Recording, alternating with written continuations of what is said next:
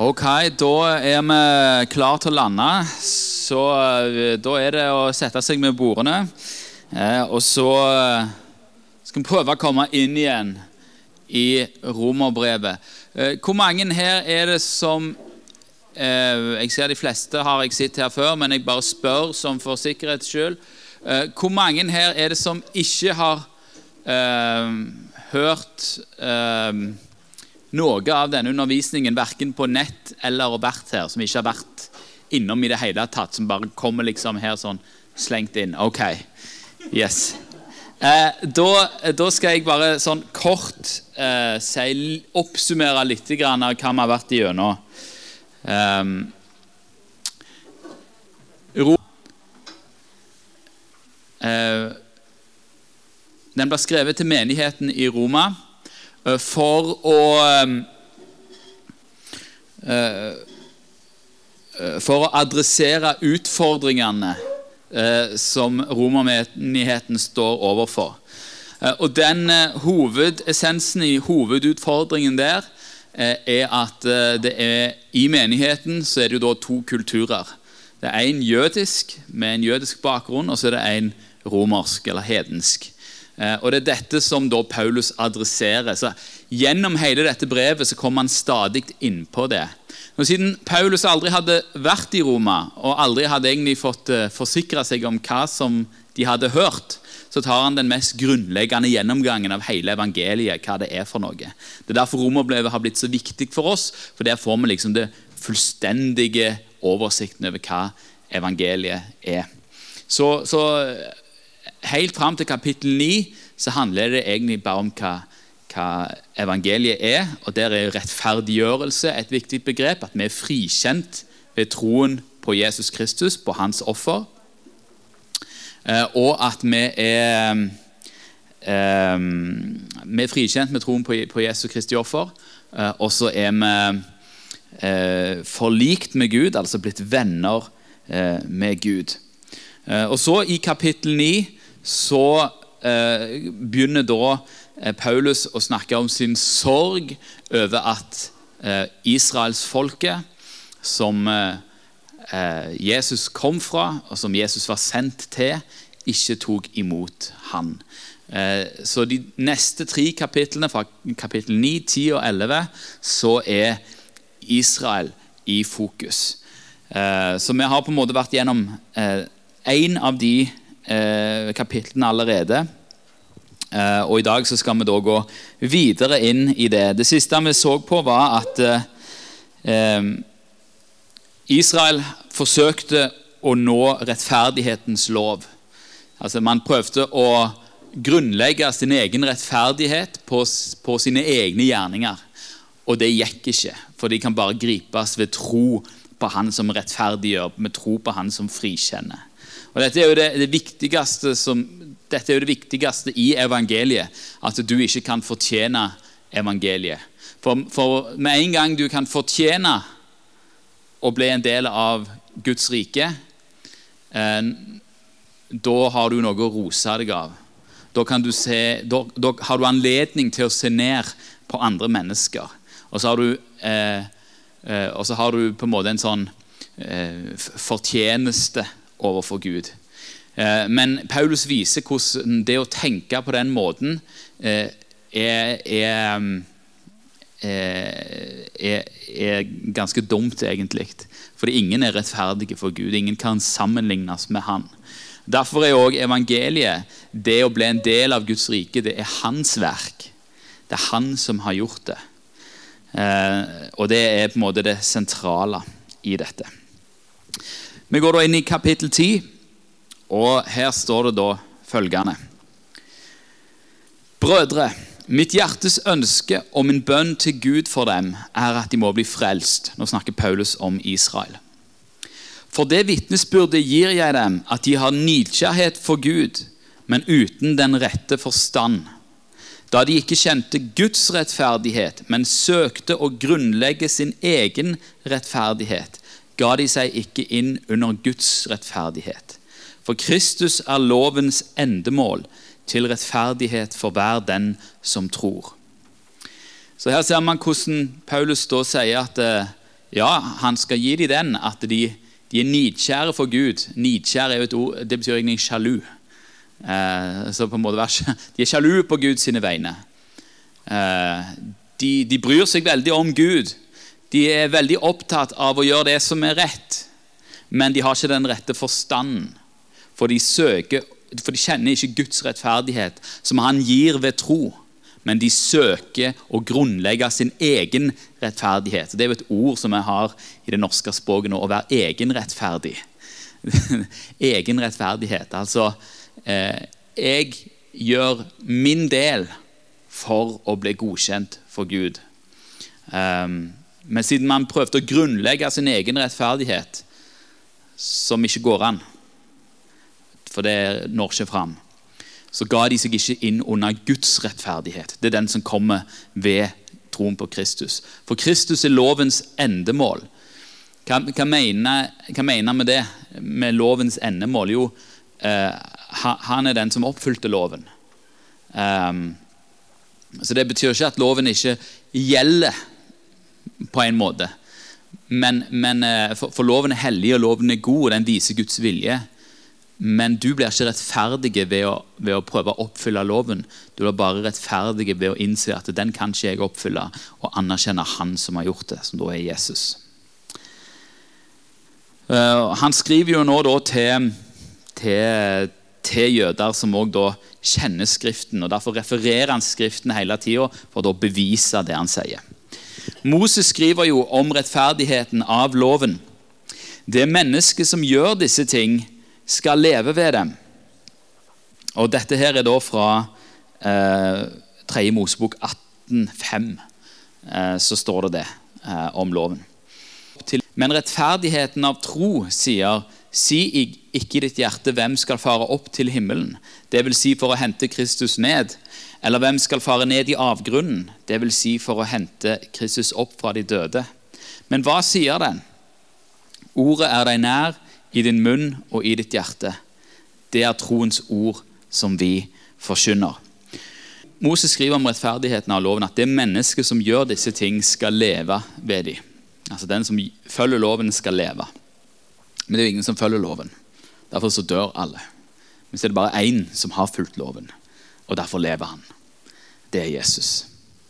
Eh, det som er interessant her, er jo Eh, og det, det, er litt sånn keitete måten han eh, skriver dette her på. Det er akkurat som han er i ei tankerekke, og så skyter han inn sånne innskuddssetninger. Så, så det blir sånn forvirrende hva han egentlig da sier. Um, han sier, men rettferdigheten av tro sier, si ikke i ditt hjerte hvem skal fare opp til himmelen. Nå, nå her refererer han 5. Mosebok 32. Uh, vi skal bare lese den passasjen for dere, uh, sånn at dere dere kan eh, få det i sammenheng. For han kommer jo med disse innskuddene. Eh, når 5. Mosebok 32 er helt i slutten av loven. Det er jo faktisk loven han refererer til her. Og det er Moses sin avskjedssang. Det som eh, står der, er at For dette bud som jeg gir deg i dag, det er jo loven han refererer til da, er ikke for høyt for deg, og det er ikke langt borte. Det er ikke oppe i himmelen, så du må si hvem vil fare opp til himmelen for oss og hente det ned, og la oss høre det, så vi kan gjøre etter det. Det er heller ikke på den andre siden av havet, så du må si hvem vil fare over havet for oss og hente det til oss, og la oss høre det, så vi kan gjøre det. Men ordet er deg ganske nær i din munn og i ditt hjerte, så du kan gjøre etter det. Det er det som, eh, det er det som han her eh, refererer til, eh, Paulus, i dette. Hvem, altså Si ikke i ditt hjerte hvem skal fare opp til himmelen. Eh, dette er ikke noe som er langt vekke. Eh, men her så forstår Paulus det som det vil si for å hente Kristus ned. Kristus er jo ordet. Eh, han er jo Guds ord. Eller hvem skal fare ned i avgrunnen? I 15 Mosebok står det jo over havet. Eh, avgrunnen og havet kan kanskje ses på som på det samme eh, måten, i hvert fall i jødisk forståelse. Eh, eller så kan det være en skrivefeil fra, fra, fra hebraisk til gresk eller et eller annet sånt. Og hente Kristus opp fra de døde. Så han knytter det sammen med, med, med, med, med både inkarnasjonen og oppstandelsen, egentlig. Men hva sier den? Ordet er deg nær i din munn og i ditt hjerte. Det er det som står i loven. Ordet er deg nær i din, i din munn og i ditt hjerte. Det er troens ord som vi forkynner. Og her begynner da, det, Dette er da inngangen til en, eh, til en lang passasje om ordet. Troens ord som vi forkynner. Så ordet er deg nær i din munn og i ditt hjerte. Det er det som kommer til å bli sentralt i de neste passasjene. Munn, det vi sier. hjertet, det vi tror. Det er på en måte inngangsporten til troen. Romerne 10, 9-13. Dette er sånn kjent og kjært vers for mange. i hvert fall er det for meg. Hvis du spør noen ja, hva skal til for å bli frelst, så kan du svare Romerbrevet 10, 9. For dersom du med din munn bekjenner at Jesus er Herre, og i ditt hjerte tror at Gud reiste ham opp fra de døde, da skal du bli frelst. Det er det er inngangsporten til troen. Det er å, å tro i sitt hjerte at Gud reiste Jesus opp fra de døde, og bekjenne at Jesus er Herre. Begge de to der. og Det, det er litt sånn interessant, fordi vi spør ofte tror du på Jesus. Og, og det er mange som kan si ja, jeg tror på Jesus. Jeg tror at Jesus sto opp fra de døde og lever. Og Det er fint og flott. Men hvordan ofte spør vi spørsmålet er Jesus Herre? Er Jesus Herre? Er Jesus din Herre? Eh, og da, da eh, Det skal litt mer til å si det, at Jesus er Herre. Men for å bli frelst må man si begge deler. For djevelen tror at Jesus sto opp fra de døde. Men djevelen kaller ikke Jesus for Herre. Er dere med? I hvert fall ikke frivillig. Han må jo innrømme at uh, han er det, da. Men, uh, men det er Ja. Med hjertet tror en til rettferdighet. Det er det å tro på Guds rettferdighet som, som gjør at du blir rettferdig. Og med munnen bekjenne en til frelse. Det er bekjennelsen som er eh, veien inn til frelsen. For Skriften sier hver den som tror på ham, skal ikke bli til skamme. Her kommer dette, her er ikke forskjell på jøder og greker. Det er noe som går igjen i hele dette brevet. Han prøver å sveise disse her to kulturene sammen til ett folk. Alle, alle, både jøder og greker, alle har de samme herre, som er rik nok for alle som påkaller ham. Han er rik nok for alle som påkaller han. Altså, han er ikke sånn at han ikke har tid eller nok eller nei. Jeg har, eh, jeg har delt ut det jeg har å gi. Han er rik nok for alle som påkaller han. For hver den som påkaller Herrens navn, skal bli frelst. Eh, og Da kan dere få lov til å si amen. Så det er tro og bekjennelse. Um, så kommer vi da til et, et um, på en måte noe som jeg husker ransaka meg veldig. Eh, spesielt i mine yngre dager. Men eh, kanskje derfor jeg står her i dag. Eh, som da er Romerne 10, 14-17. Eh, der Paulus går inn i en del av disse her han går inn i noen sånn tankerekker. sånn, Dette fører til dette, fører til dette, fører til dette. Det er en del av sånn i Paulus sine brever. For så vidt i de andre brevene eh, der de har en del sånn tankerekker. Dette fører til dette, så dette, og så dette. Um, det er en ganske interessant måte å, å bygge opp en, uh, en, tankerekke på. Men hvordan kan de påkalle sant? Alle som påkaller Herrens navn, skal bli frelst. Men hvordan kan de påkalle en som de ikke har kommet til tro på? Og hvordan kan de tro på en som de ikke har hørt om? Og hvordan kan de høre uten at det er noen som forkynner? Og hvordan kan de forkynne uten at de blir utsendt? Så troen For at det skal være tro, så må du først høre. For at du skal høre, så må noen forkynne. Og for at noen skal forkynne, så må de være utsendt.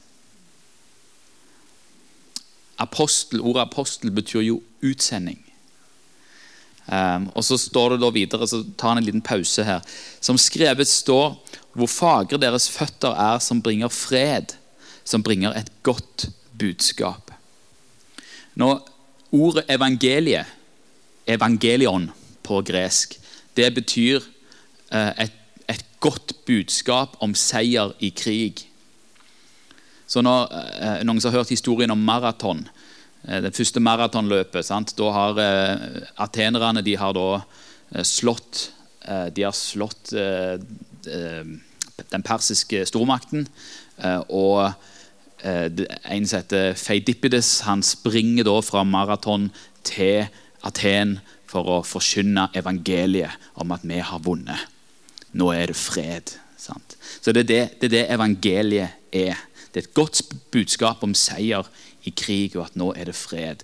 Og Den seieren som vi forkynner, er at Kristus har overvunnet synd og død og djevelen.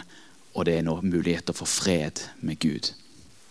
Så hvor fage deres føtter er som bringer fred, som bringer et godt budskap. Og Så går han videre og sier men ikke alle var lydige mot evangeliet. For Jesaja sier, 'Herre, hvem trodde vel det han hørte av oss?' Så kommer da troen av forkynnelsen som en hører. Og forkynnelsen som en hører, kommer ved Kristi ord. Eh, og her, Dette her er jo òg en sånn i, i forbindelse med, med, berg, nei, ikke med bergpreken, men med misjonsbefalingen så er jo dette her noe som vi alle kan kjenne på. Eh, ingen blir frelst hvis de ikke får høre evangeliet. Eh, og ingen får høre evangeliet hvis det ikke er noen som forteller dem det. Og vi som da har evangeliet, kan evangeliet, vi er òg nødt til å fortelle evangeliet. Det er mange forestillinger rundt forbi om hva evangeliet er for noe. Men de færreste har egentlig fått presentert evangeliet um, sånn skikkelig.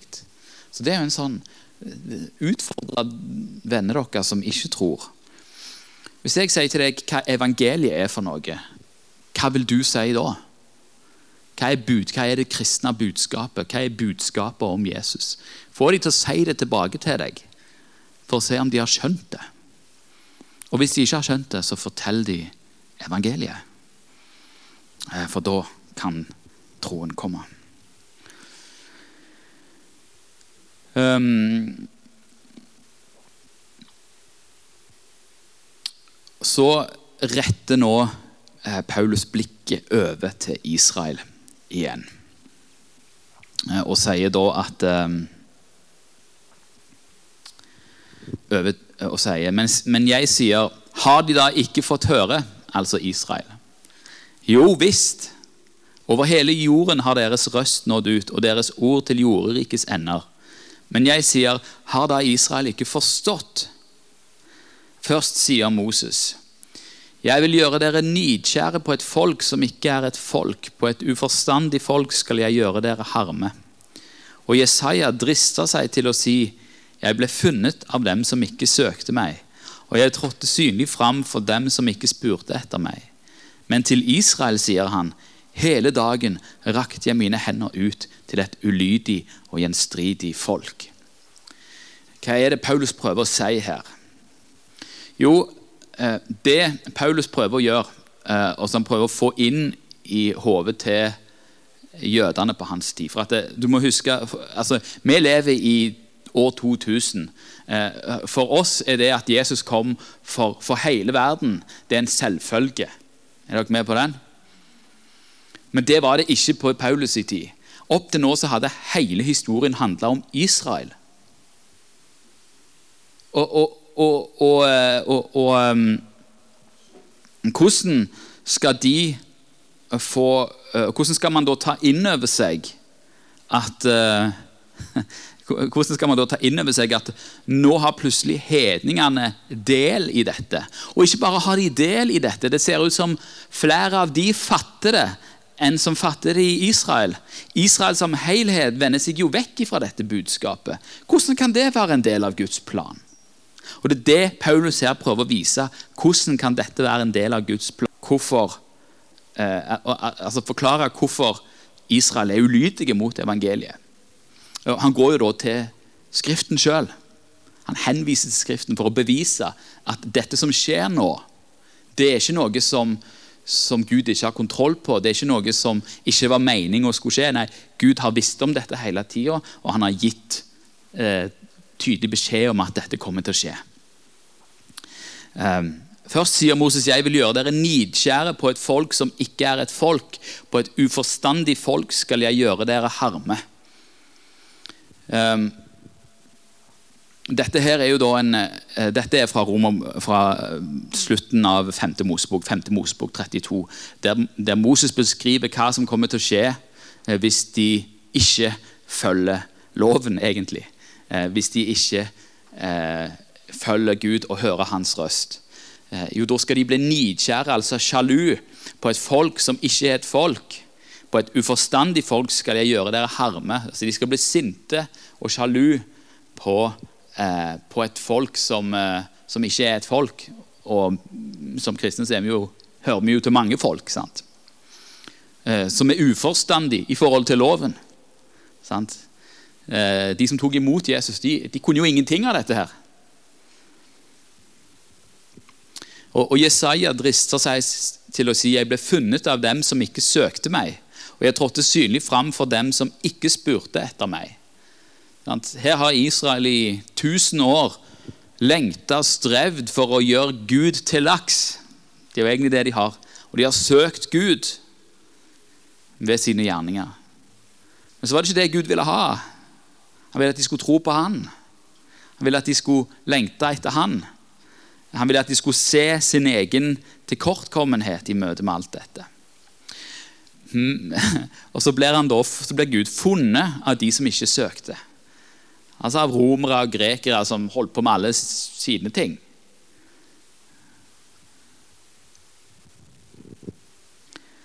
Så her sier, her sier, Paulus at eh, de som da ikke er et folk Ja, eh, det kommer vi til, til, til senere.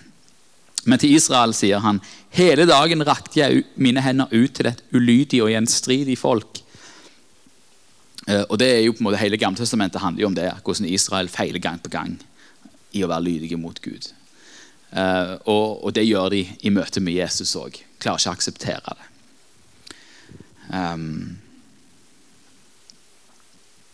så, så, på en måte i, i denne her uh, passasjen så, så, kommer jo på en måte Paulus sine anklager mot sitt eget folk ganske klart fram. da, at det, uh, det, det, er egentlig ikke forskjell fra det Jesus gjorde. Jesus gjør jo akkurat det samme. Han sier dere, dere er barna deres fedre, for de slo i hjel alle profetene. Alt det som de gjorde, det gjør dere òg. Dere er i sannhet barna deres fedre. Um,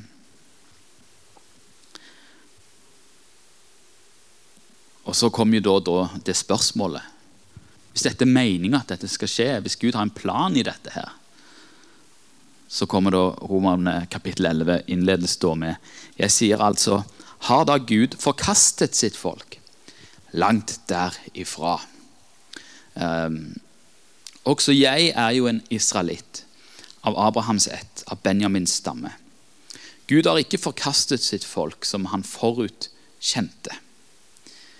Uh, og her er Det jo på en måte, det er jo lett å tenke da, at siden Israel har fornekta Gud, fornekta Jesus, så vil Gud ikke ha noe mer med de å gjøre enn at han har forkasta de. Eh, men det sier da eh, Paulus ikke er tilfellet. Eh, og, og, og, grunnen er jo det at eh, dette er jo ikke første gang Israel har feila. Dette er jo ikke første gang Israel har vært ulydige. De har jo vært ulydige gjennom hele Gammeltestamentet, så dette er jo ikke noe nytt, egentlig. Um, Gud har ikke forkasta sitt folk som han forutkjente. Og så tar han igjen, refererer til kongebøkene. Eller vet dere hva Skriften sier i avsnittet om Elia? Hvordan han står fram for Gud og anklager Israel. Herre, dine profeter drepte de, og dine altere rev de ned. Jeg ble alene tilbake, og meg står de etter livet. Men hva er Guds svar til ham? Jeg har latt det bli tilbake en rest på 7000 mann som ikke har bøyd kne for Bal. På samme vis er det også i den tiden som nå er, blitt igjen en rest i kraft av Guds nådes utvelgelse. Men er det av nåde, da er det ikke mer av gjerninger. Ellers blir nåden ikke lenger nåde. Eh, så det han sier, er at eh, ja, mesteparten av Israel har forkasta Gud. Sånn som mesteparten av Israel forkasta Gud òg tidligere. Men på samme måte som Gud alltid har latt det blitt igjen en rest av Israel som tror, så har han nå òg latt det bli igjen en rest av Israel som tror. Eh, og de har blitt igjen i kraft av Guds nådes utvelgelse. Dette er ikke vårt verk. Det er jo Paulus prøver å banke inn i hovene til både jøder og hedninger at eh, dette er ikke vårt verk. Det er hans frelsesverk. og Det kan bare tas imot i nåde. Hvis vi prøver å fortjene og eh, prøver å få oss til å på en måte Vi har så lett for å på en måte eh, ville, ville ha skrøyd for det vi har fått til. Men dette er hans verk. Det er ikke vårt verk. Ellers blir ikke nåden lenger nåde. Så hvordan skal vi eh, hvordan skal vi forholde oss til, til, frelsen? Vi, vi, kan jo ikke ta kreditt for noe. Nei, du kan ikke det. Men du kan gi æren til han. Og det er det du er skapt for. Det du er skapt til.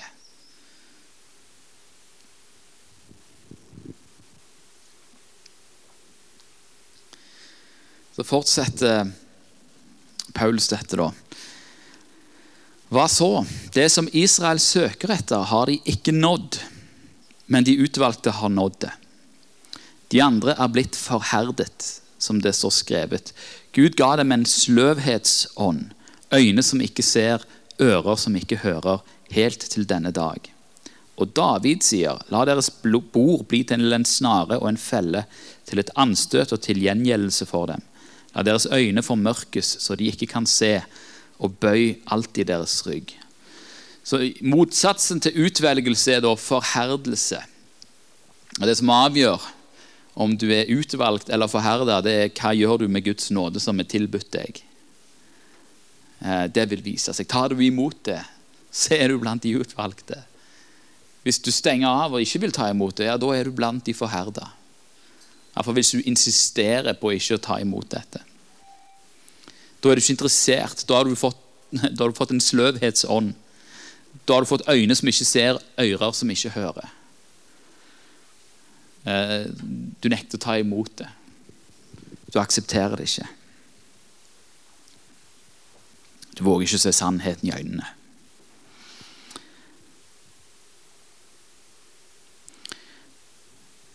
Så her sier han da at eh, nå eh, Israel har blitt forherda. Skal vi se Hva er klokka nå? Fem over åtte. Eh, så da kan vi ta litt bra. Jeg har ikke så lang, eller så, så mye, men vi er halvveis etter denne. Eh, så da kan vi ta litt pause. Romerbrevet 11, 11-15. Jeg sier da, har de snublet for at de skulle falle? Langt derifra. Men ved deres fall er frelsen kommet til hedningene for å vekke Israel til nidkjærhet. Men hvis deres fall er blitt til en rikdom for verden, og er deres fåtallighet blitt til en rikdom for hedningene, hvor mye mer da deres fulltallighet? Til dere hedninger vil jeg si, så sant jeg er hedningenes apostel, priser jeg min tjeneste kunne jeg bare vekke mitt folk etter skjødet til nidkjærhet og få frelst noen av dem. For er verden blitt forlikt med Gud ved deres forkastelse, hva annet vil da deres antakelse bli enn liv av døde? Her har vi en del ord som vi skal se litt nærmere på. Uh, Paulus spør etter sine kjente retoriske spørsmål, der han svarer med 'langt derifra'. Det, det er også noe som går ganske ofte igjen i dette brevet. Altså Har Israel snubla for at de skulle falle? Var det meninga at de skulle falle og bli liggende? Langt derifra. Men, sier, sier Paulus, ved deres fall er frelsen kommet, kommet til hedningene for å vekke Israel til nidkjærhet. Hva betyr det? Jo, Jesus ble jo først og fremst sendt til Israels folk. Man legger merke til at han ikke går til hedningene. Hedningene kommer av og til til han, men han oppsøker ikke hedningene. Han oppsøker konsekvent Israels folk. Så er han en tur innom Samaria. Men, men eh, så, så, på en måte Frelsen er jo primært for Israel. Jesus er Israels konge. Um, han er Israels Messias. Han er den som de har venta på. Men de forkasta han. De ville ikke ha han. For de ville heller ha sine egne tanker og sine egne lærdommer. Og på grunn av dette, da, så har da frelsen kommet til hedningene. Altså det som var ment for Israel, som Israel ikke ville ha, det ble da eh, tilgjengeliggjort for andre. Og Det er Jesus sjøl egentlig som illustrerer dette best i, i lignelsen om, eh, om bryllupsfesten. Der, der, de inviterte De som er inviterte, det er Israel.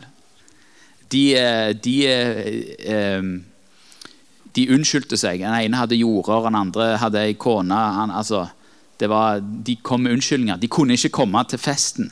De kunne ikke komme til, til det som Gud hadde som det som kongen hadde, hadde innbudt dem til, for de var for opptatt med sitt eget. Sant? Og, og, Mange av de tingene de er opptatt med, er jo for så vidt gode ting. Sant? Det er jo ikke feil i å granske loven og granske skriftene. Men så kommer Jesus og sier hei, dette forteller om meg. Dere er invitert til meg. Det er jeg som har skrevet boka. Sant? Dette handler om meg. Kom til meg. Og så kom de ikke til han. De var for opptatt med sitt eget til å ta imot invitasjonen. Og så forteller videre den lignelsen, så gå ut til gatehjørnene. Gå ut på veiene. Gå ut på alle andre plasser. Dvs. Si, gå ut til hedningene for at mitt hus kan bli fullt. Det er hensikten. Så, så, du ser Jesus han er veldig klar over dette. her. Lignelsen om den bortkomne sønnen er jo egentlig akkurat det samme. Israel er den hjemmeværende sønnen. Langt vekke som gjør masse rart. sant? Er skapt av Gud, men, men, men har, søker ikke Gud. Men, men når, når, da hedningene kommer tilbake, de som også er Guds skapninger, okay, så provoserer det den, den eldste sønnen sånn at han ikke vil komme inn til festen. Sant? Det er jo gjort i stand en fest, og han vil ikke være en del av den. På grunn av sin bror, som er en hedning. sant? Og Det er egentlig det som skjer. Jød, eh, eh, um, hele Paulus sin tjeneste um, Han blir jo tatt til fange. Uh, og Hvis dere går i apostelens gjerninger og så leser dere den talen som han, uh, som han forkynner, så, så, så, hører de på han. Jødene hører på han. De hører på når han snakker om Jesus. De hører på når han snakker om Jesus sin oppstandelse. De holder seg helt i ro. Men når han sier at denne, denne frelse òg er for hedningene, da går de helt bananas. Da går de berserk. Og må liksom, romerne må liksom redde han ut for at de ikke skal slå han i hjel. Det er det. Det er det som blir så vanskelig. Hvordan kan de hedningene ha del i det som er vårt? Men frelsen har kommet til hedningene for å vekke Israel til nidkjærhet. For å vekke Israel til sjalusi. Hva er dette? Jeg skal komme det litt med det jeg skal komme litt på, eh, med det her, her eh, litt nede i denne passasjen. Hvis deres, men hvis deres fall er blitt en rikdom for verden du, det, det, er sånn som Gud gjør. vet du. Han, han, kan faktisk snu våre fall til noe godt. Det er det bare Gud som kan. Um, du vet, eh, Både jøder og, romere korsfesta Jesus. Og det ble til frelse for verden. Det er noe godt fordi han er Gud. Og det, det er veldig betryggende å vite det gir oss en dyp indre fred. For da vet vi at uansett hva som skjer, så kan Gud snu det til noe godt. Hvis deres fåtallighet det er på dette tidspunktet, og fremdeles så er det jo bare et fåtall av jødene som eh, har tatt imot Jesus som sin frelser og herre. Hvis de har blitt en rikdom for hedningene, hvor mye mer da deres fulltallighet? Og Her ser vi Paulus sitt håp og Paulus sin tro om at en dag så skal hele Israel bli frelst. Det betyr ikke at hver enkelt eh, jøde skal bli frelst, for eh, enhver blir frelst ved troen på Jesus. Og de som ikke tror på Jesus, de går fortapt. Det gjelder jøder og grekere. Men folket som helhet skal ta imot Jesus. Akkurat som nå folket som helhet har forkasta Jesus. Og Det er noe som, som kommer. Eh, og det er noe som jeg tror er i ferd med å skje nå. Det er flere jøder, messianske jøder i Israel nå enn det har vært på 2000 år. Bare så dere vet det. Det er òg lov å si amen til. Til dere hedninger, vil jeg si. Så nå, nå, nå har Paulus snakket til jødene i Roma. Nå snur han seg til hedningene. Så sant jeg er hedningenes apostel, priser jeg min tjeneste. Kunne jeg bare vekke mitt folk etter skjødet til nidkjærhet og få frelst noen av dem? Det er hans ønske. Han sier dette til hedningene. Hvorfor sier han det? Jo, fordi det er hans bønn, det er hans lengsel. Det bør òg være vår bønn og vår lengsel i forhold til Israel. Lengselen etter at de skal bli kjent med sin frelser, med sin konge, med sin Messias. For han tilhører jo først og fremst de. Og så har vi fått lov å bli med på lasset. Og Det er jo fantastisk. Men så kommer dette her nidkjærhetsbegrepet. Sjalusi er jo, det det betyr. Hvorfor, skal, hvorfor, vil han vekke folket etter skjøtet til nidkjærhet, til sjalusi? Eh, jeg hørte vitnesbyrdet til en messiansk jøde en gang som da hadde vært på ferie i Amerika. Hadde vært på eh, sommerleir, en kristen sommerleir.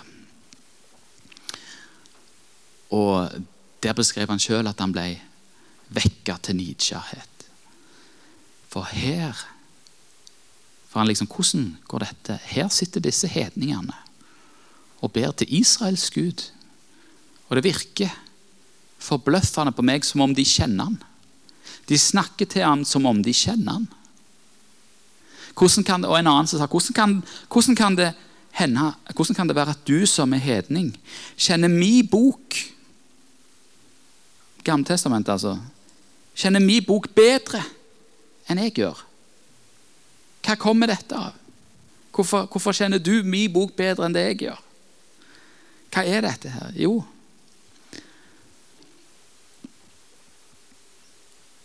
ble, han ble vekt til nidkjærhet, til sjalusi. Hvorfor, hvorfor, hvorfor, du, hvorfor, hvorfor har du kontakt med Israels Gud, og det har ikke jeg? For Israel har ikke kontakt med sin Gud. For det er umulig å få kontakt med Israels Gud utenom gjennom Jesus Kristus. Du kan søke i loven, du kan søke i Skriftene så mye du vil, men det er ingen kontakt. Ingen jøde som hevder at de kjenner Gud personlig.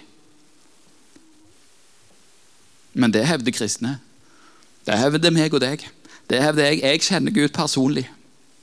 Han snakker til meg. Han viser meg sin kjærlighet. Han viser meg at han er den han er. Fordi du kan kjenne Gud gjennom Jesus Kristus. Og det er, den, det er det han ønsker. Å vekke dem til nidkjærhet. At de skal bli sjalu, eh, sånn at de kan bli frelst. Så fortsetter han da. For er verden blitt forlikt med Gud ved deres forkastelse? Ved at de har blitt Deres forkastelse er jo egentlig deres egen forkastelse, for de har forkasta Gud. Det er ikke Guds forkastelse av Israel. Det er viktig å forstå dette. her. Gud har ikke sagt 'jeg har ikke bruk for Israel' lenger. Det er Israel som har sagt 'jeg har ikke bruk for Gud'. Jeg har ikke bruk for den veien som Jesus kom med. Jeg klarer meg med å følge loven. Så det er, Guds folk har forkasta Gud. Gud har ikke forkasta Israel. For er verden blitt, Men, men pga. at de har forkasta, så har alle oss andre fått lov å ta del i det som var meint for Israel. Men er verden blitt forlikt med Gud ved deres forkastelse, altså blitt venner med Gud. Hva annet vil da deres antakelse, altså deres eh, Når de da kom til tro, deres antakelse av Kristus, deres erkjennelse av hvem Jesus er, bli en liv av døde. For enhver som fortsetter i døde gjerninger, han er død. Men når Jesus kommer, så blir det liv. For Jesus er livet. Eh, jeg fikk, et, eh, jeg fikk et bra spørsmål her, eh, her, i pausen som jeg tenkte kan være greit å på en måte få et svar på. Altså Her står det jo på en måte at Israels fall førte til at hedningene ble frelst. Og Om det da var sånn at ja, hvis Israel hadde tatt imot Jesus, så hadde ikke hedningene blitt frelst. Er, er det sånn vi skal forstå det? Uh, og, og, det her vi må se at uh, Gud vet alt på forhånd. Derfor så har han lagt planene sine på forhånd. Det, er ingenting av det som skjer i verden, verdenshistorien som, som Gud ikke vet om, og som på den måten ikke er en del av hans plan. Det betyr jo ikke at alt som skjer, er Guds vilje. Men selv de tingene som ikke er Guds vilje, blir en del av hans plan, fordi han snur alt til det gode. Han snur alt til, til sine hensikter til slutt. Det er det fordelen med å være Gud. Altså, Vi er jo ikke Gud. Vi er ikke all, allvitende. Eh, men eh, ja, sant? det at Adam og Eva falt i Edens hage, er jo ikke sånn at Gud blir tatt på senga og liksom Oi, Oi, ja, det hadde ikke jeg regna med. Nå, hva skal jeg gjøre nå? Nei, planen om å bli menneske i Jesus Kristus den har ligget der fra tiden, tidenes begynnelse. Eh, fra, fra, før Gud skapte verden. Eh, så, så alt, alt, alt, som skjer, og alt som har skjedd, har Gud visst om. Eh, fordi, fordi han visste hva som ville skje når han skapte mennesket. Men fordi han visste hva som kom til å skje når han skapte mennesket, eh, så, så eh, eh, eh Ja, så, så eh, eh, ja, så er det ingenting som skjer da tilfeldig. Så snudde han alle ting til sin plan. Så du kan si at Israels fall er på en måte en del av Guds plan. Det er ikke fordi at Gud ville og det er jo det man kommer tilbake til her også, det er ikke fordi at Gud ville at Israel skulle falle eller at Gud har forkasta Israel. Men han visste at de kom til å falle. Og så bruker han det til noe godt. For Gud vender alle ting til det gode. Det, det har han jo sagt tidligere her. Alle ting samvirker til gode for den som elsker Jesus. Eh, og Gud han, han gjør alle ting til, en, til, til sin plan. Um, da skal vi inn i roten og greinene. Husk, Her snakker da Paulus til hedningene. Men er førstegrøden hellig, da er også deigen hellig. Førstegrøden det er Jesus. Han er førstegrøden av de døde, står det en annen plass. Er han hellig, da er deigen hellig. Altså resten av altså, Førstegrøden er jo, er jo korn, sant? så da er òg deigen som kornet blir lagd av, hellig. Altså, Kornet fører til brød, og, og, Jesus Kristus er starten på et nytt rike. Um, så er førstegrøten hellig, da er også deigen hellig. Og er roten hellig, da er greinene det også. Hvorfor var Israel et hellig folk? Fordi de var så sabla gode? Hele Gamletestamentet forteller jo at det var de ikke. Men de var, de var et hellig folk fordi Gud er hellig. Fordi deres Gud var hellig. Men, og dette bildet forklarer ting på en ganske god måte.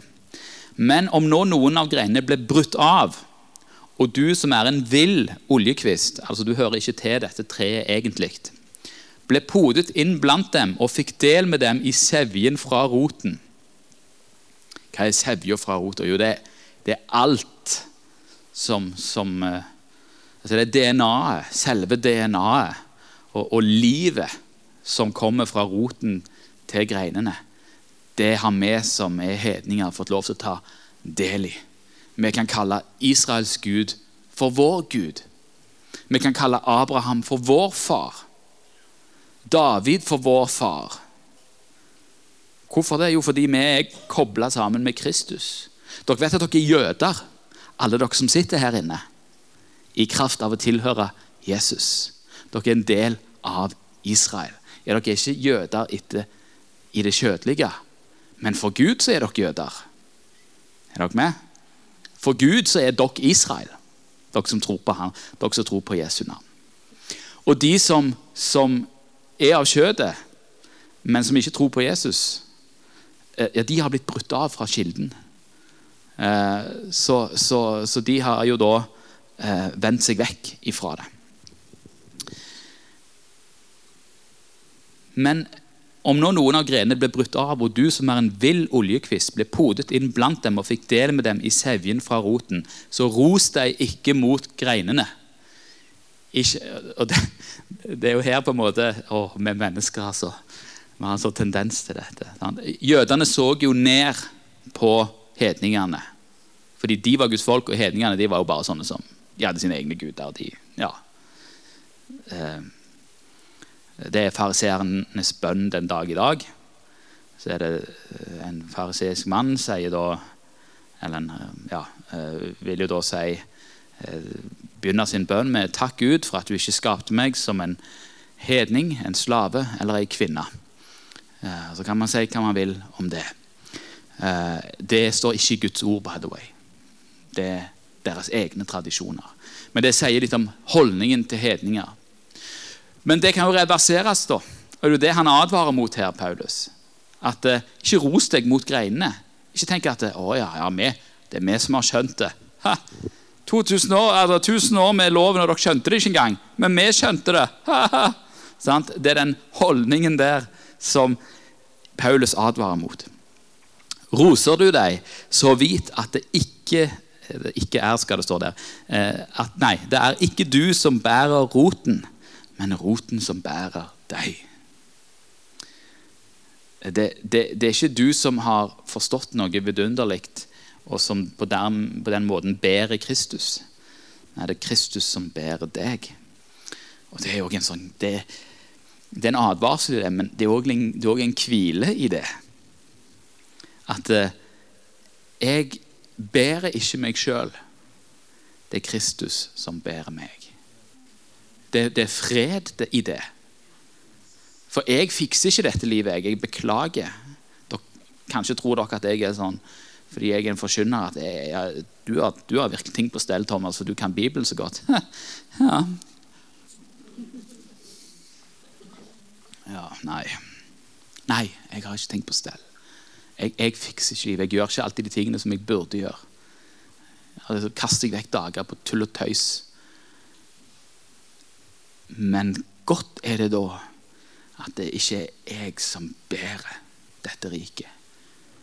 Det er dette riket som bærer meg. Kristus bærer meg. Jeg klarer ikke å frelse meg sjøl, men Kristus, han frelser. Du vil da si greinene ble brukket av for at jeg skulle bli podet inn. Og Her kommer? Dette var Guds plan hele veien. At greinene skulle bli brukket av, sånn at jeg kunne bli poda inn. Og så sier, så sier, Paulus nå vel. Han sier ja, på en måte så har du rett, men på grunn av vantro ble de avbrutt. Men du står ved din tro. Vær ikke overmodig, men frykt. Overmodig er da ikke, ikke ikke, ikke tro at du er noe i dette. Men, men frykt eh, Hva mener jeg med det? Skal du være redd? Nei. Du må, du må skjønne på en måte at eh, altså, du, du, må skjønne dette da, at for, for, sparte ikke Gud de naturlige greinene, vil han heller ikke spare deg. Det, altså, vi må ikke gå vekk ifra troen. Og, og, hva mener han når han sier troen? Mener han troen på at Jesus fins? Nei. Troen på at Jesus er den eneste som kan frelse deg. Det er, det er troen på at det er bare Jesus, bare det han har gjort, som holder. Det er den der ydmykheten som kommer ved den erkjennelsen. Det er der på en måte, Hvis du er overmodig, så sier du at 'Jeg har fått så mye gaver av Gud'. Eh, sant? Og jeg har fått så mye gaver av Gud at jeg er uvurderlig. At det er meninga at jeg skal? Det, det jeg har, altså, Hvorfor roser du deg av det du har fått, som om du ikke har fått det? Som om du fortjener det? Du har ikke fortjent troen din. Du har fått den i gave. Og så har du fått lov til å ta imot den. Og der ligger vår Ja. Eh, og, der ligger på en måte advarselen, da. Eh, det, det, er bare Det er bare med, med, med, med mottagelsen av Guds gave i, i ydmykhet eh, at vi er festa på, på, på treet, på roten. Hvis vi tror at vi kan grunnlegge vår egen rot, så for, for det, Hva vil det si å være brukken av? Hvorfor, hvorfor ble noen brukket av? Jo, fordi de vil ikke være kobla til treet. De vil ikke være kobla til roten. Ja, hva er roten? Roten er Kristus. Man vil prøve å grunnlegge sin egen rettferdighet på en eller annen måte. Eller lystre seg sjøl på en eller annen måte. Man vil ha seg sjøl som herre, eller noen annen som herre. Prøve å blande sammen og mikse opp. Nei. Og Så fortsetter Paulus. Se derfor Guds godhet og strenghet. Og Det er jo to ord som i vår, i vår tid eh, er motsetninger. Enten så er du god, eller så er du streng.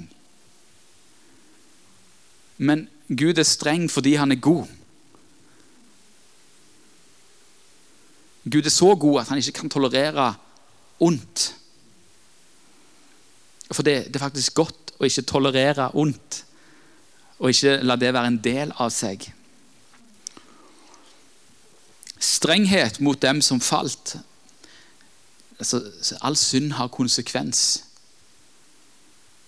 Og det er jo noe sånn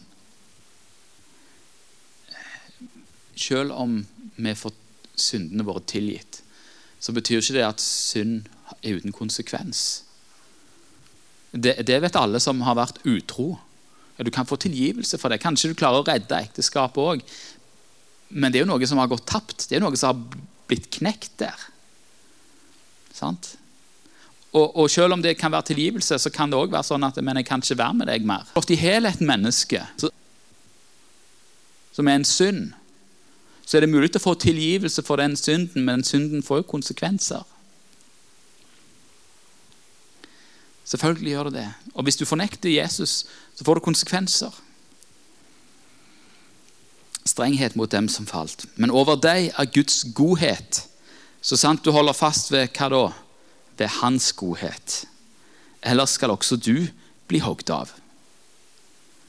Jeg synes det er interessant altså, at han sier holde fast, altså, over deg er Guds godhet så sant du holder fast ved Hans godhet.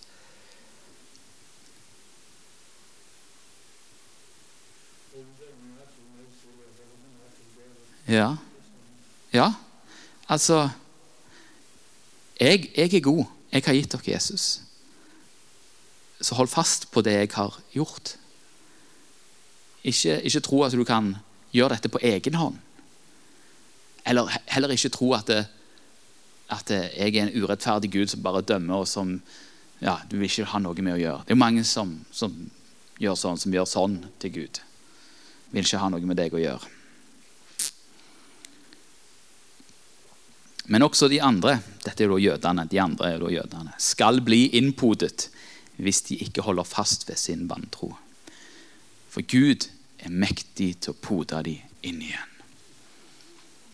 Og dette er Guds reise med Israel. Gjennom hele Gamletestamentet så vender Israel seg vekk fra Gud, og så oppsøker Gud dem. Israel vender seg vekk fra Gud, og så oppsøker Gud dem. Og nå har òg Israel vendt seg vekk fra Gud. I 2000 år likevel så finnes Israel, og likevel så oppsøker Gud dem. Du, sier han til hedningene, ble avhogd av det oljetreet som av naturen er vilt og mot naturen, innpodet i et edelt oljetre. Hvor mye mer skal da de naturlige greinene bli innpodet i sitt eget oljetre, som de etter naturen tilhører? Eh, av de jødene som har blitt eh, kristne eller messianske jøder, så får mange pes på hjemmebane. For de får høre at de har forrådt sitt folk. For kristne det er jo hedninger. Og den kristne Gud er jo hedningenes Gud, sier de. Men mens, mens til, til, svar så er det, nei, det, det er ingenting som er mer jødisk enn å tro på en jødisk Messias. Um, enn å tro på jødenes Messias. Så de, de går til vekk ifra dette. Nei, vi tilhører eh, Vi er ikke mindre jøder. Det er ingenting som er mer jødisk enn å tro på en jødisk Messias.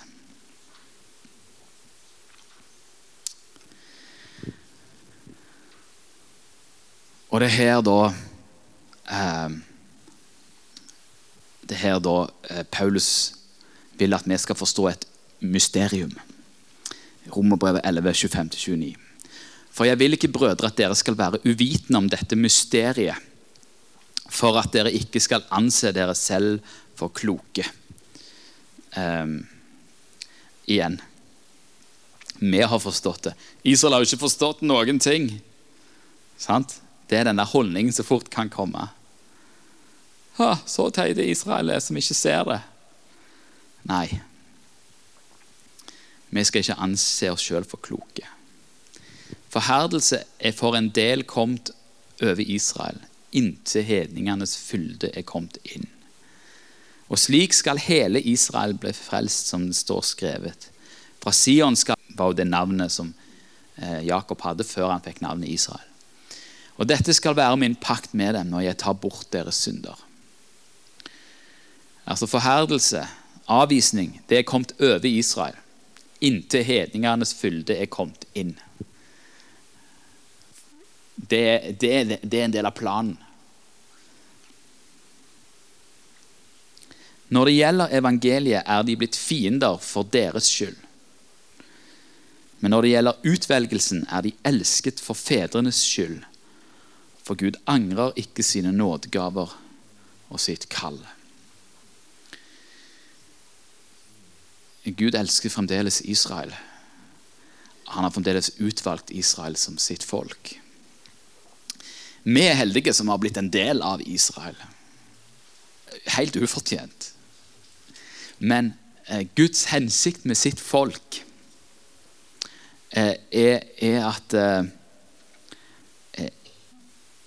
eh, er at de skal, skal, skal, se, skal se hvem Jesus er, og, og, og, få lov til å ta imot han som, som frelser. Og, og jeg, tror, ja, jeg tror ikke at Jesus kommer tilbake før det skjer. At hele Israel tar imot Jesus.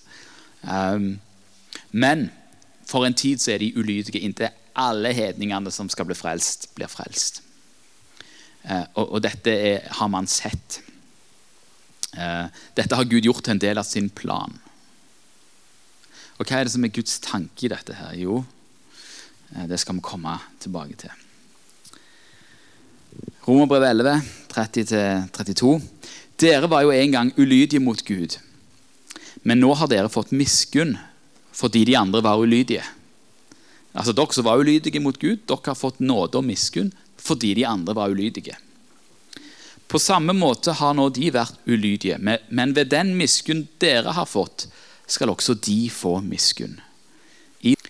Og det er her på en måte Det er her på en måte um, Guds plan åpenbares. For Gud har innesluttet dem alle under ulydigheten for at han kunne vise miskunn mot dem alle. Gud visste at jødene kom til å fornekte Israel. Og så bare snudde Gud det til sin ære. Sånn at når Gud igjen kaller på Israel gjennom Jesus og kaller dem tilbake til sin Messias, så, så, så skal de se at eh, Gud ikke er sinte på dem, men at eh, han har gjort alle ting vel. Og så skal han vise sin nåde med dem.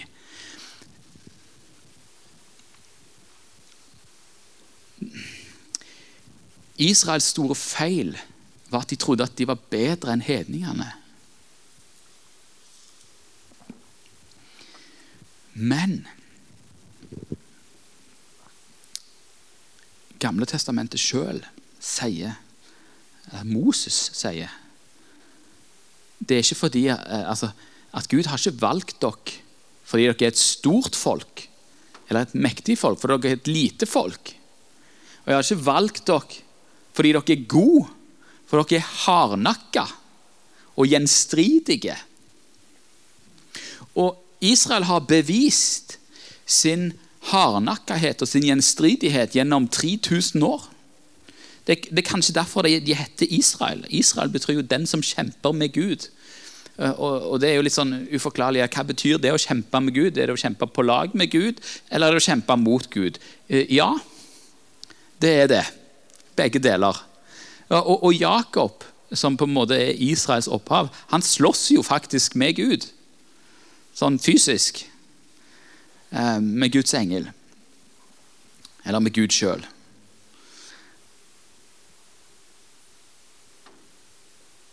I det ene og det andre så har på en måte Israel bare insistert på å gå sine egne veier. Hvorfor i all verden valgte du Israel da, Gud? For å vise sin kjærlighet og sin nåde. Hvis du noen gang tenker tanken av at nei, nå Nå, nå, har, jeg, nå har jeg gått for langt, nå har jeg tulla det til for mye. Gud kan ikke være nådig mot meg mer. Jeg har fått for mange sjanser. Gud har etterjaga Israel i 3000 år. 4000 år, kanskje. Ja, 3500 år. Spørs hvor langt, langt tilbake Israels historie går. Og han gir ikke opp ennå. Israel fins fremdeles av Guds nåde, og han etterjager fremdeles Israel. Han har inneslutta de alle, både jøder og hedninger, unna ulydigheten. Vi var ulydige i utgangspunktet. Israel hadde fått loven, som de skulle lyde, men de var ulydige, de òg. Enda mer ulydige. Og Så har han da lagt alle unna ulydigheten for at han kunne vise sin miskunn mot de alle. Og i å vise miskunn mot alle, så viser Gud sin etterjagende kjærlighet. Hans etterjagende kjærlighet. Og det er her Paulus, når han skriver dette her, når han skriver hvordan Guds planer fungerer, og hvordan Israels fall blir til fylde for hedningene, og så blir det en stor frelse, og så blir det et svært Guds folk, så sier han og dyp av rikdom og visdom og kunnskap hos Gud. Hvor uransakelige hans dommer er, og hvor usporlige hans veier. Han blir bare lamslått over det han har fått åpenbart. Hvordan kan dette gå an? Hvordan er det mulig? Og ikke minst, hva slags Gud er det vi har med å gjøre? Som, som ikke lar seg stanse engang av menneskers fall som ikke sier ja, 'nå er jeg ferdig med dere'. Som bare insisterer på og insisterer på og insisterer på å elske og vise nåde. For hvem kjente vel Herren sin? Eller hvem var hans rådgiver? Eller hvem ga ham noe først, så han skulle få vederlag? Alle ting har sitt opphav i Gud. Og så sier Paulus, for av ham og ved ham og til ham er alle ting. Ham tilhører æren i all evighet. Amen. Av han, Gud er alle tings opphavsmann. Ved han. Det er bare ved han at vi kan bli frelst og få ta del i det han gjør. Og til ham. Det er for han vi er skapt. Til å ære han og prise han. Det er da du er lykkeligst, for det er da du gjør det du har meint til. Når du får lov til å være i fellesskap med han. Og så er det sånn at det er ikke bare til deg, men det er mellom oss alle òg. Den, den kjærligheten som du elsker de rundt deg med, den kommer fra Gud. Og når du gjør Eller for å si det på en annen måte Når du elsker de rundt deg, så elsker Gud de gjennom deg. Det er sånn det fungerer. Og, og det gjør til og med de som er ulydige mot Gud, og som ikke vil ha noe med Han å gjøre, de ærer Gud når de elsker.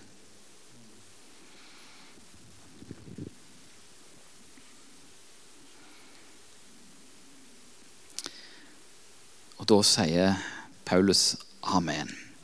Eh, og jeg, på en måte så kunne jeg slutta der, men vi skal nå gå inn i kapittel 12 som da starter siste bolk av dette. her. Nå har man da snakket om rettferdiggjørelse, Og Paulus har snakket om hvordan jøder og hedninger er nå blitt ett folk i Jesus. eh, Og hvordan Gud har en plan med Israel for at alle skal bli frelst. eh, Og det viser Guds miskunn. Han har inneslutta alle under ulydighet for å kunne vise miskunn mot de alle. Og nå er da spørsmålet hva betyr det for oss? Hvordan skal vi relatere til det? Jo, Romerne 12, 1-3. Jeg formaner dere altså, brødre, ved Guds miskunn, igjen ved Guds miskunn, ikke ved din egen kraft, ved Guds miskunn, at dere fremstiller deres legemer som et levende og hellig offer til Guds behag. Altså fremstille, gjør kroppen tilgjengelige som et levende og hellig offer til Guds behag. Altså, jeg er levende, og jeg er hellig, dvs. Si tilsidesatt. Jeg skal gjøre meg sjøl tilgjengelig som et offer som er tilsidesatt for Gud. Eh, når et offer, I vår dagligliv så er det på en måte alle offer du gjør, er til Guds behag, egentlig. Når du, når du legger ned dine planer for noen andre. Det, det er et offer til Guds behag.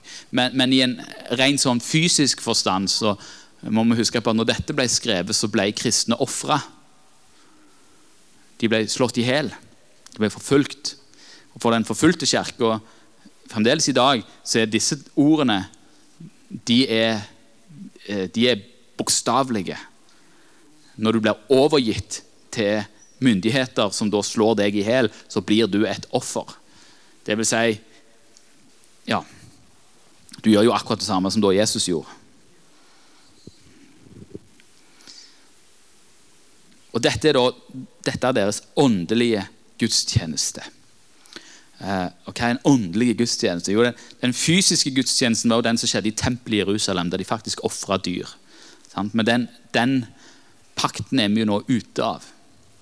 Men vi er i en ny pakt i Jesu Kristi blod. Og vår gudstjeneste Vi er jo prester i den gudstjenesten. Og hva er vårt offer, da? Hva er det vi ofrer? Jo, våre egne legemer, sånn som han ofra sitt eget legeme.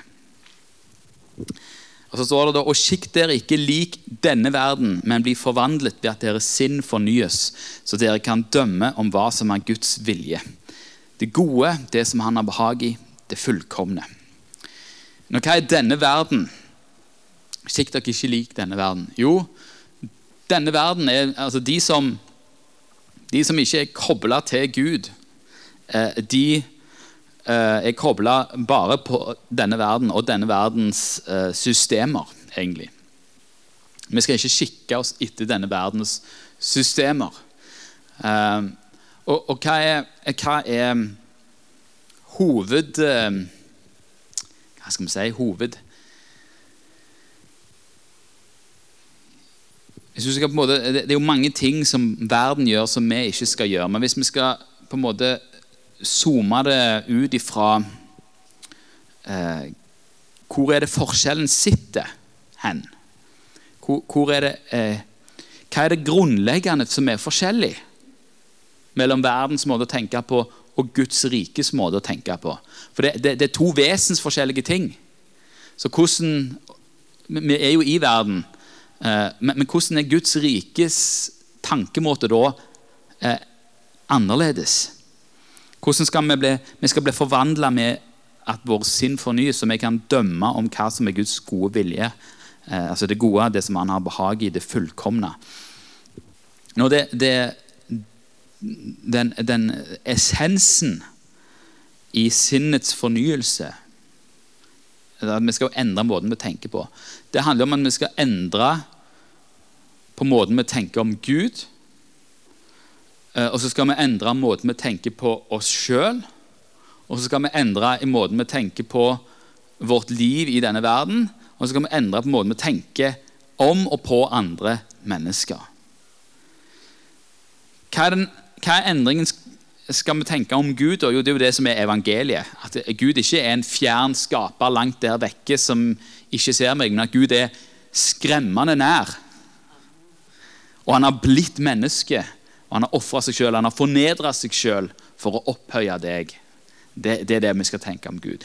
Hva skal vi tenke om oss sjøl? Jo, i verden og, og dette vet dere, for dere er jo i verden, eh, så er det jo sånn at eh, du blir målt på hva du gjør, og hva du får til. Og, og hele livet i verden handler om å bli rikere, få mer penger, få større innsikt. Alle disse tingene her som, som gir deg ære på en eller annen måte, eller fornøyelser eller makt på en eller annen måte. Sant? Anerkjennelse. Men hva er Guds rikes perspektiv på alt dette? Jo, det er jo at eh, ja, men du har jo fått alt. Eh, det handler ikke lenger om deg. Det handler ikke om lenger hva du kan oppnå. For i Kristus så har du oppnådd alt. Med arvinger til Guds rike. Du vet at du er arving til universet. Det er ganske heftig. Arvinger til alt. Altså, det er jo det som er i Romerbrevet 8. Hvordan kan han annet enn gi oss alt med han? Hvis du er arving til universet, da er hvem som er sjef, hvem som er i sjefsposisjonen, litt irrelevant her nede på jorda. Er dere med på den?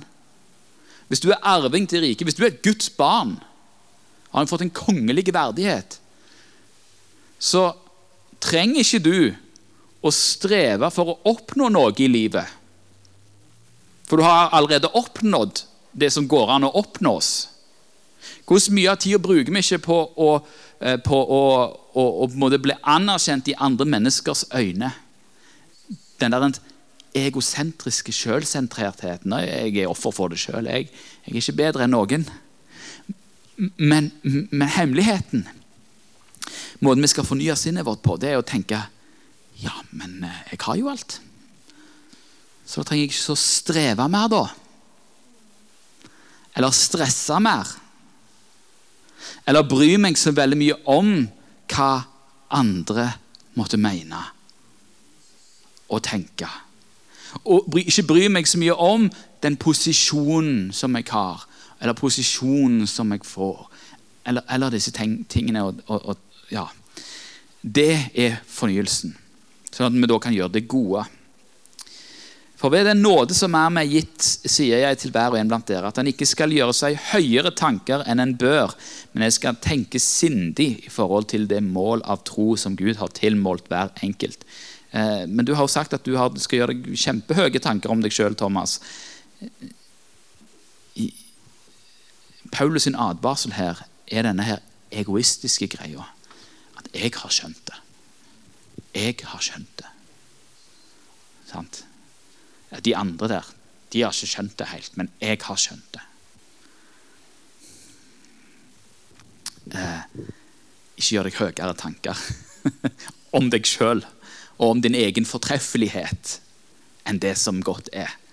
Men tenk sindig.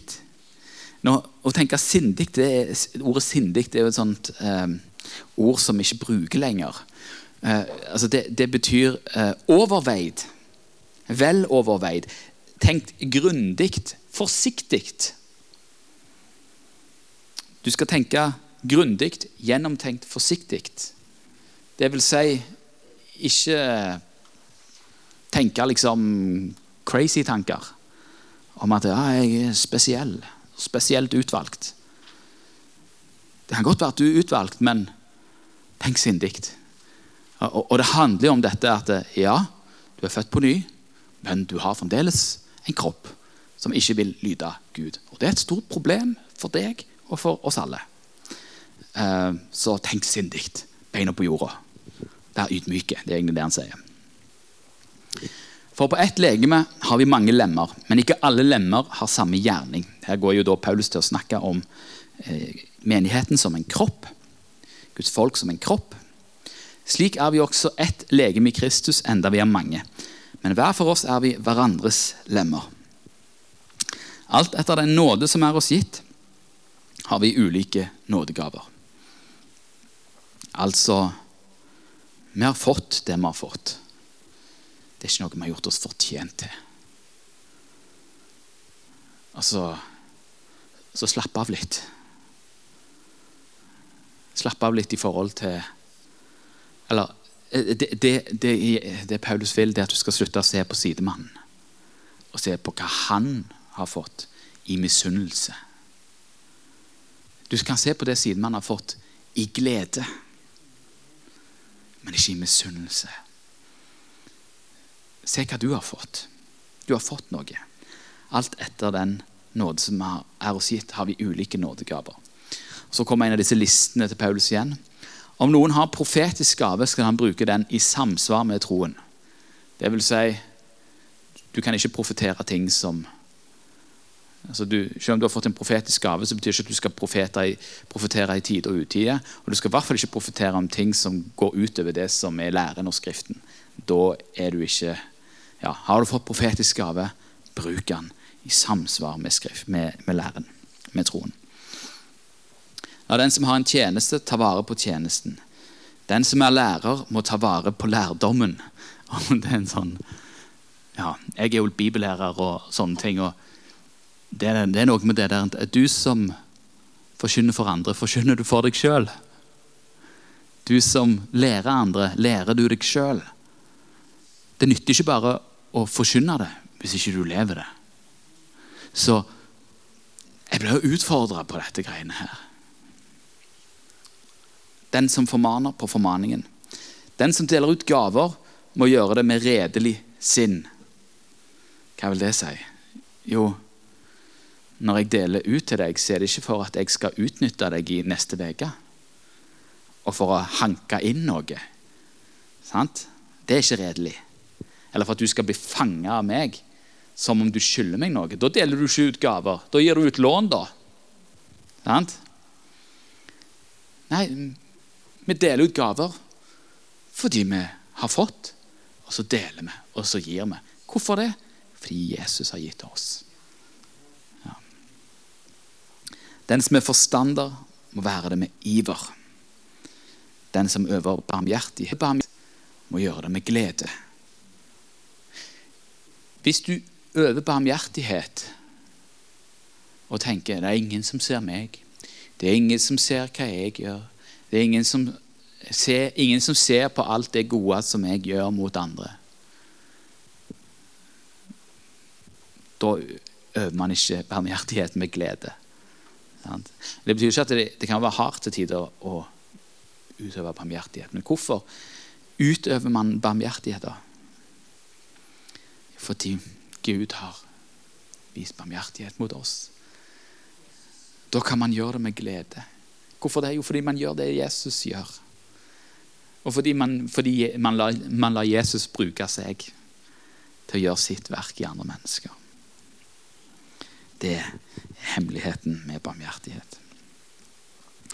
Og som, som, som, konklusjon og som innledning til det neste så sier da Paulus en hel del ting. Uh, og her er det jo masse sånne eh, one line punches eh, som, som, på en måte som jeg, jeg, talte jo litt om dette her. altså det, Dette kommer fra et overskudd. Alt dette her kan bare gjøres hvis du kjenner at Jesus elsker deg. Hvis du kjenner Han. La kjærligheten være uten hykleri. Avsky det onde, hold fast ved det gode. Vær varmhjertet mot hverandre i broderkjærlighet. Sant? Elsk hverandre. Hvorfor det? Fordi Kristus elsker deg. Kappes om å hedre hverandre. Ja, men, men helst vil vi jo at andre skal hedre oss. Men hvorfor skal vi kappes om å hedre hverandre? Jo, fordi Kristus har hedret oss. Er dere med på den? Du er Du har fått en hedersplass. Du, du, er min sønn, du er min datter. Jeg elsker deg, jeg har dødd for deg. Det er Han har hedra oss med sitt liv. Derfor kan vi hedre andre. Vær ikke lunkne i iveren. Vær brennende i ånden. Tjen Herren. Jesus viser også eksempler på det, hvordan han setter andre foran seg sjøl. Vær glade i håpet, tålmodige i trengselen, vedholdende i bønnen. Hvorfor, de, hvorfor det? Fordi Jesus har gitt oss grunn til å være glad. I det håpet som vi har om at han regjerer, at han skal komme igjen. Vær tålmodig i trengselen. Hvordan kan vi være det? Fordi Jesus var tålmodig med oss. Fordi Jesus leid nød. Derfor kan vi lide nød, fordi vi vet at han, han, eh, det virker for oss eh, til, til, det gode. Vær vedholdende i bønnen. Hvorfor det? Fordi Gud, Jesus, som vi også hadde tidligere i romerbrevet, han går jo i forbønn for oss. Derfor kan vi òg være vedholdende i bønnen. Kom de hellige til hjelp i deres nød. For Jesus kom oss til hjelp i vår nød. Legg vind på gjestfrihet. Velsign de som forfølger dere. Velsign og forbann ikke. Gled dere med de glade, gråt med de gråtende. Hvordan kan du velsigne de som forfølger deg? Altså, for velsigne, Snakke fint om. Det er det det betyr. Snakk bra om de som forfølger deg. Velsign og forbann ikke. Forbann betyr å snakke stygt om. Ikke snakk stygt om de som forfølger deg. Snakk vel om de. Hvordan kan vi gjøre det? Fordi Jesus snakket ikke stygt om deg. Selv om du forfulgte han med dine gjerninger. Han snakket vel om deg fordi han elsker deg. Ha ett sinn innbyrdes. Det er vanskelig, fordi vi er jo forskjellige. Og Da må vi ofre noe. Vi må våge å sette oss inn i andre perspektiv. Vi, nødt, vi må våge å komme litt ut av oss sjøl og prøve å se ting fra andre vinkler for å ha ett sinn. Trakt ikke etter det høye, men hold dere gjerne til det låge. Hvorfor skal vi ikke trakte etter det høye, men holde oss til det låge? Jo, fordi Jesus han kom fra det høye og fornedra seg sjøl til det låge. Derfor kan vi gjøre det samme. Du vet, hva, hva ganger et menneske må vinne hele verden, men ta skade på sin sjel? Sant? Det handler ikke om å bli best, flinkest, størst. Jeg, jeg, jeg, hadde store problemer. Jeg brukte hele 20-åra på å ville bli størst, best. Hvorfor det? Jo, fordi jeg ville ha anerkjennelse. Hvorfor ville jeg ha anerkjennelse? Jo, fordi jeg ikke hadde sett helt innerst inne at jeg var anerkjent. Men jeg er anerkjent.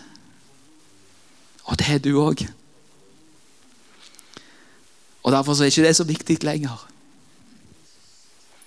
Vær ikke selvkloke. Igjen, ikke tro at jeg har forstått det.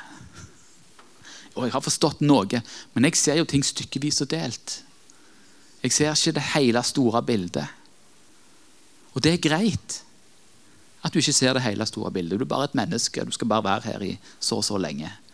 Og dette her er en historie som går et par tusen år. Så ja, dere er med? Men derfor ikke vær sjølkloke. Ikke vær skråsikre. Selvfølgelig, Noen ting må vi være skråsikre på. Sette vår lit til Jesus Kristus. Det er, ja, det er vi skråsikre på.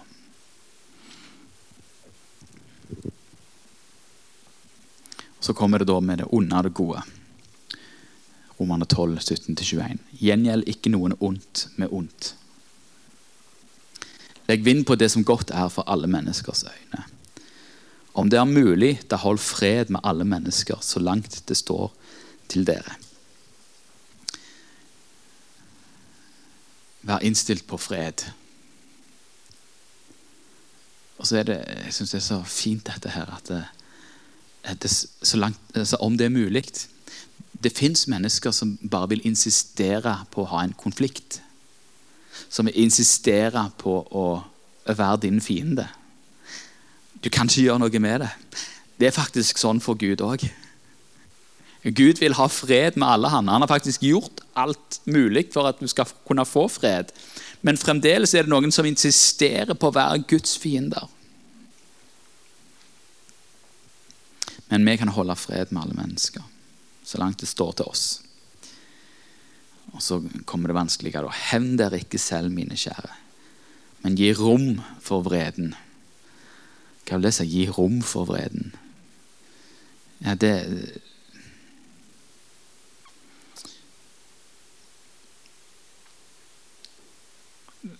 trå til side og, og gi rom for vreden. For det står skrevet hevnen, og dommen. Hevnen over all ugudelighet, over alt det onde.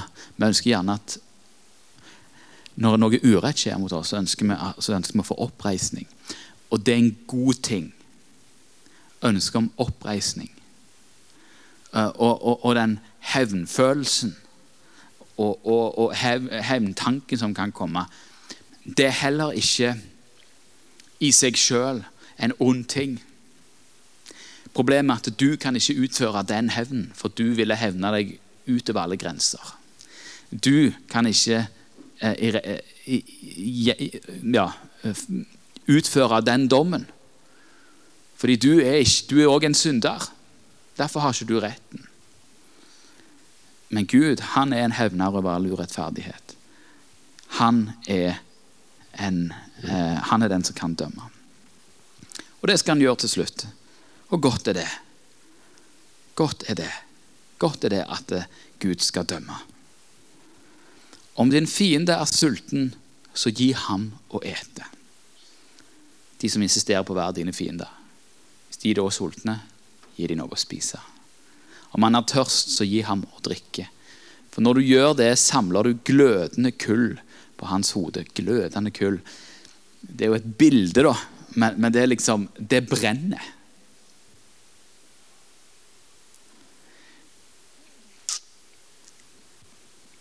Du vet, eh, Guds kjærlighet er en flammende ild. Den brenner. Det er derfor at mennesket måtte holde seg på avstand. Fordi han brenner. Når du samler glødende kull på Når du gjør det gode når du, når du, gjør det gode, når det blir gjort ondt mot deg, og du insisterer på å gjøre det gode, så, så viser du at du er ren. Og, og, det er en renhet i en sånn en handling som er, som er for, for, du kan velge. Altså, jeg snakker ikke her om slaveri at du blir tvungen til. Men når du har fri vilje, velger å gjøre det gode, når du kan gjøre det onde, så samler du glødende kull. Det, det blir uutholdelig for den som opplever det. La deg ikke overvinne av det onde, men overvinn det onde med det gode. Hvorfor kan du gjøre det? Hvordan kan vi gjøre det? Fordi Jesus har gjort det. Jesus overvant det onde med det gode. Og fordi du er i Kristus, så kan du gjøre det samme.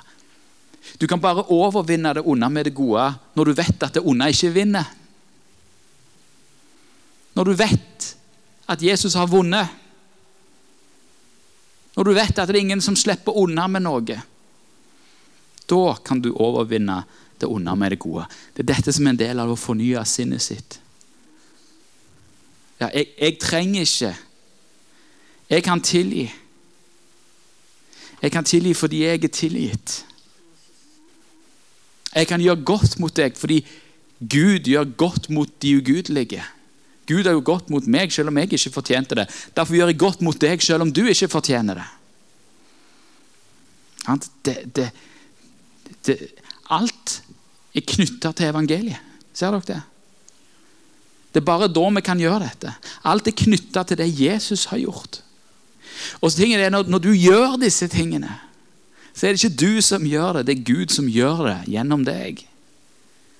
Hvor mange har ikke blitt frelst fordi noen kristne gjorde noe som var helt mot logikken? Og samla glødende kull. Hvorfor gjør de disse greiene her? Fordi Fordi de har møtt en de har møtt en som frelste dem.